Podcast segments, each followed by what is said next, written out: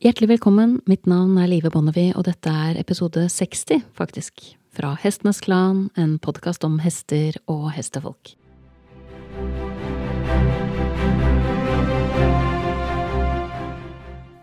Dagens episode er et utdrag fra et intervju med Leslie Desmond som vil bli publisert på min engelske søsterpodkast Clan of the Horses mandag om en uke.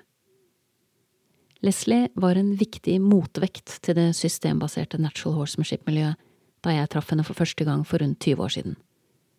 Hun tilbød aldri noen raske veier til mål på hestens bekostning. Tvert imot så advarte hun oss tilskuere med at det tidvis ville være som å se maling tørke, noe det svært sjelden var. Og hadde hun vært mann, så mistenker jeg at jeg ville referert til henne som en hestekar av den gamle skolen som i mitt hode er en æresbenevnelse som dessverre mangler et kvinnelig motstykke. Jeg snakker om hestekarer som kunne lese hesten, som respekterte hesten, og som evnet å samarbeide med hesten på hestens premisser. Og Leslie hadde selv nettopp en slik hestekar som sin læremester. Nærmere bestemt den legendariske Bill Dorrance, broren til Tom Dorrance. Av de to Dorrance-brødrene så er det nok Tom som er den de fleste har et forhold til men av de to så er det Bill jeg kjenner best, gjennom Leslies klinikker, for hun målbærer jo fortsatt arven han etterlot seg, og er i likhet med Buck Brannaman en av dem som forvalter hans ettermæle. Dette ettermælet har hun også forvaltet i bokform. Bill og Leslie skrev en bok sammen som kom ut i 1999 som het True Horsemanship Through Feel. Jeg vil ikke påstå at det er en lettlest bok, men det jeg liker veldig godt med den, det er at stemmen til Bill kommer så tydelig igjennom og jeg husker særlig godt en bit av forordet hans, der han snakket om hvordan han viet livet sitt til å finne en måte å trene hester på, gjennom å bruke nettopp fil, som var hans signatur.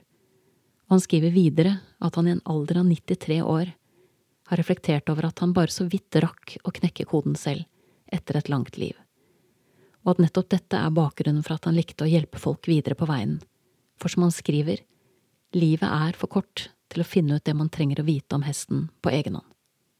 Og Leslie og jeg startet nettopp med å snakke om ettermælet. Og noe som jeg har stusset på flere ganger, og det er at trenere gir seg selv en tittel for å tilføre seg selv faglig tyngde. Som for eksempel tittelen mester eller master på engelsk. Og vi ifrågesatte begge to troverdigheten til en selvutnevnt mestertittel. For en mestertittel er ikke noe man gir seg selv, det er noe man får av andre. De menneskene jeg lytter til, sier Leslie til meg, det er de menneskene som stiller spørsmål. Og hun merker seg også at det er en endring i mentaliteten knyttet til hestene. At det er en økende gruppe godt voksne mennesker som rir, og som ikke har ambisjoner utover å ha det hyggelig med hesten. Og som Leslie sier, what's not to love about a horse? Samtidig så gjør hun seg noen refleksjoner rundt at mange har utfordringer med hestene sine, som vokser ut av at de ikke egentlig forstår dem særlig godt for når ting ikke fungerer mellom hest og rytter, så kreves det en helhetlig tilnærming der man ser på det store bildet. Hvis hesten har et såkalt atferdsproblem, i hvilke situasjoner dukker det opp?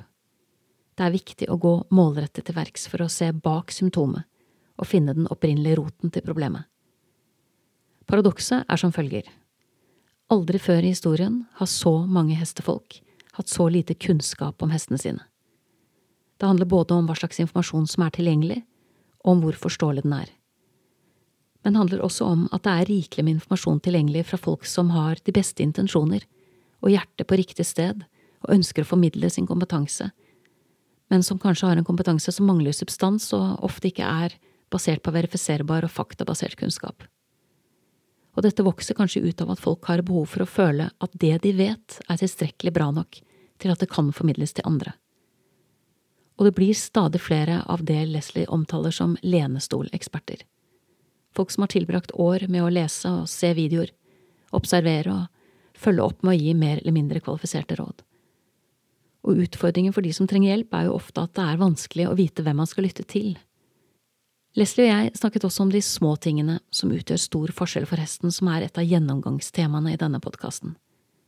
Som for eksempel hvor ofte hestene blir gående på framparten, noe vi blant annet bidrar til selv ved å se ned på hendene våre eller på bakken når vi rir, så vi blir ubalanserte og blokkerer hestens skulder, når vi heller skulle sett opp og frem. For ser vi opp og frem, så vil brystkassen bidra til å holde oss sentrerte og balanserte, samtidig som vi sikrer at skjenkelen er rett under tyngdepunktet vårt, noe som er en viktig forutsetning for en lett og fri frampart hos hesten. Vi snakket også om utfordringene med å velge rett trener, og hvor viktig det er å finne en trener som respekterer hesten. Det er også viktig å ta inn over seg at hesten trenger tid, sier Leslie, og understreker følgende. Hvis ditt nærvær ikke tilfører hesten noe som gjør inntrykk, eller påvirker hesten positivt med tanke på hvordan den har det, føler seg, eller hva slags kontakt den får med seg selv, så har du fortsatt mye å lære med tanke på hvordan ting kan gjøres bedre. Det er ikke uvanlig å se folk forstyrre eller stresse hester, enten i vannvare eller med overlegg, for deretter å forvente applaus etter at dyret har roet seg ned igjen etterpå, uten at de er i stand til å ta inn over seg at de selv har skapt problemet. Hesten er et byttedyr. Selvsagt er det enkelt å jage den rundt i en sirkel, for deretter å blokkere den så den bråstopper og ser på deg. Men det er veldig viktig å huske på at hesten i slike situasjoner ikke først og fremst lærer, den prøver først og fremst å overleve. Leslie understreker, som flere andre trenere jeg har snakket med, at hesten fra naturens side ikke bærer nag, ikke så lenge den er intakt. Men dersom vi gjennom håndtering og trening tilfører for mye av rovdyrets energi, så hestens medfødte natur fortrenges, så kan man se en betydelig endring i hestens mentalitet, og dessverre ikke til det bedre. Hvis du ønsker å dominere et byttedyr fremfor å samarbeide med det, og har en kommunikasjon mellom dere der det ikke finnes plass for hestens nei, da finnes det heller ikke plass til et sannferdig ja. Og da jobber du ikke verken for hesten din eller med den. Du jobber for egoet ditt, for ting du har behov for, for å realisere eller for et ytre mål i enden av en kurs du har staket ut. Og det er ikke isolert sett noe galt i å velge et system basert på press, der hesten ikke spiller en aktiv rolle i relasjonen. Man må bare være realistisk i forhold til hva slags relasjon man bygger innenfor disse rammene. Er det å lære hestens kroppsspråk og utvikle fil en viktig forutsetning for videre kommunikasjon med hesten, eller nøyer du deg med å tvinge fram et ja i hesten fordi det er mulig? Leslie er også veldig opptatt av noe jeg egentlig ikke har tenkt så mye over, og det handler sikkert litt om den stallen jeg har hesten min på også, eh, og det var hvor mange er det som har tilgang til hesten din?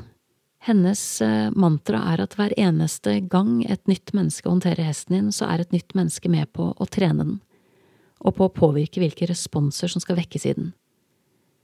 De som fòrer hesten, som kanskje er ulike mennesker til ulike måltider, for eksempel, de som møkker for den, de som slipper den ut og tar den inn, de som transporterer den, skor den, vaksinerer den eller håndterer den på annet vis. På større staller så kan antallet mennesker som er i inngrep med hesten din, fort være mellom fem og ti stykker. Alt ettersom hvordan stallen er drevet. Og da er det viktig å tenke på at jo flere som håndterer hesten, jo mer må hesten prosessere. Legg deretter til alle de andre faktorene hesten må forholde seg til, som kan være fraværet av sosial kontakt, begrenset bevegelsesfrihet, fôr som ikke inneholder de riktige næringsstoffene, utstyr som ikke passer, og hovrøkt eller skoing som ikke fungerer optimalt. Det interessante er at selv i situasjoner der det er så som så, hvor godt hestens behov er ivaretatt, så er hesten like fullt alltid forventet å spille en fullverdig, fysisk, emosjonell, mentalt og noen ganger også spirituell rolle i menneskenes liv. Men hva med vårt ansvar for å forstå hesten, bekrefte den og ta den på alvor? Sannheten er at dersom hestens behov virkelig ble tatt på alvor, så er det mange som ikke kunne hatt hest. Hesten hører ikke hjemme i en boks, og hvis vi tenker at dette er et liv som det ser ut som fungerer for dem, så er det fordi vi mistolker deres evne og vilje til å komme overens, sier Leslie. Å betale massører, akupunktører og kiropraktorer rikelig med penger for å kompensere for konsekvensen av manglende bevegelse og manglende sosial utfoldelse vil aldri kunne bli en fullgod løsning. Det er kun en symptombehandling. Det er viktig å huske på at hestene er villige til å tjene oss til sitt siste åndedrag. Og dersom kravene vi stiller er for høye eller for harde, så vil de koble ut, bli avslåtte eller på andre måter gå inn i en overlevelsesmodus. Og det er aldri et godt øyeblikk når folk som er glad i hestene sine, innser at de har hatt stor glede av en hest på hestens bekostning uten å være klar over det. Folk som vil hestene sine vel, reagerer ofte med sjokk når de innser hva de har gjort, og hvor mye ubehag de har påført hesten uten verken viten eller vilje. Det sagt så er Leslie i intervjuet veldig klar på at det å bruke tid på å føle skyld eller anger over feil du har gjort overfor hesten, er en helt meningsløs øvelse som ingen har glede av. Snarere tvert imot. Hesten føler når du er ulykkelig. Hesten føler når du kjenner deg skyldig. Hesten merker om du er oppbrakt eller opprørt. Det hesten vil trenge, det er at du rister det av deg, ser fremover, gjør endringer og prøver igjen. Leslie snakker også om modne kvinner som har ridd som småjenter, og deretter har prioritert utdanning, karriere og familie, for så å vende tilbake til drømmen om å ha hest, eller kanskje aller helst ha en ung hest. Og nå kjenner de at toget er i ferd med å gå for godt. Men de har tiden nå, de har pengene, og mange av dem velger å forfølge drømmen, og kjøper unghesten.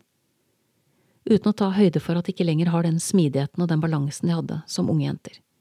Ikke dermed sagt at man ikke kan skaffe seg en unghest, men det er viktig å være klar på hva man går til. En hest er ikke en hund, og den er definitivt ikke et kjæledyr.